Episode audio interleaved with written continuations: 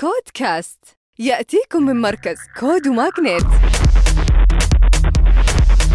مع طارق الجاسر. وحياكم الله في نشرتنا الأسبوعية. منصة Farmdar الباكستانية تجمع تمويل seed بقيمة مليون وثلاثمية ألف دولار بدعم من Indus Valley Capital وتعمل هالمنصة على توفير البيانات للمزارعين وتمكنهم من اتخاذ قرارات عملية طبعا لخفض التكاليف وزيادة المحاصيل وتحسين الجودة وتقليل النفايات.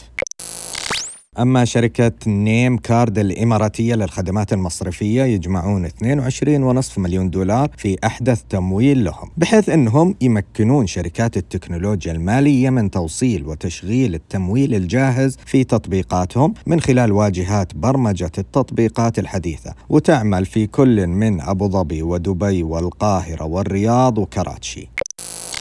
أما Appetito المصرية تستحوذ على Lamma التونسية مقابل بأكثر من 10 مليون دولار وهذه تقدم آلاف من المنتجات البقالة والمنتجات المنزلية وتعمل أيضا على توصيلها من المتاجر إلى العميل مباشرة وتعمل في ثلاث مدن مصرية.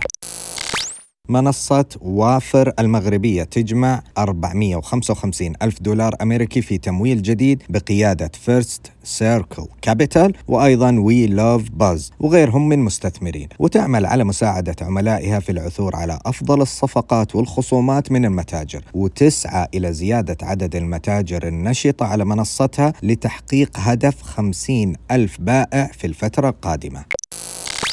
وأخيرا تطبيق Toters اللبناني يجمع 18 مليون دولار في تمويل Series B بدعم من مؤسسة التمويل الدولية وشركة March Holding يقدم عدة خدمات منها توصيل البقالة خدمات البريد السريع وخدمات الدفع والمعاملات المالية.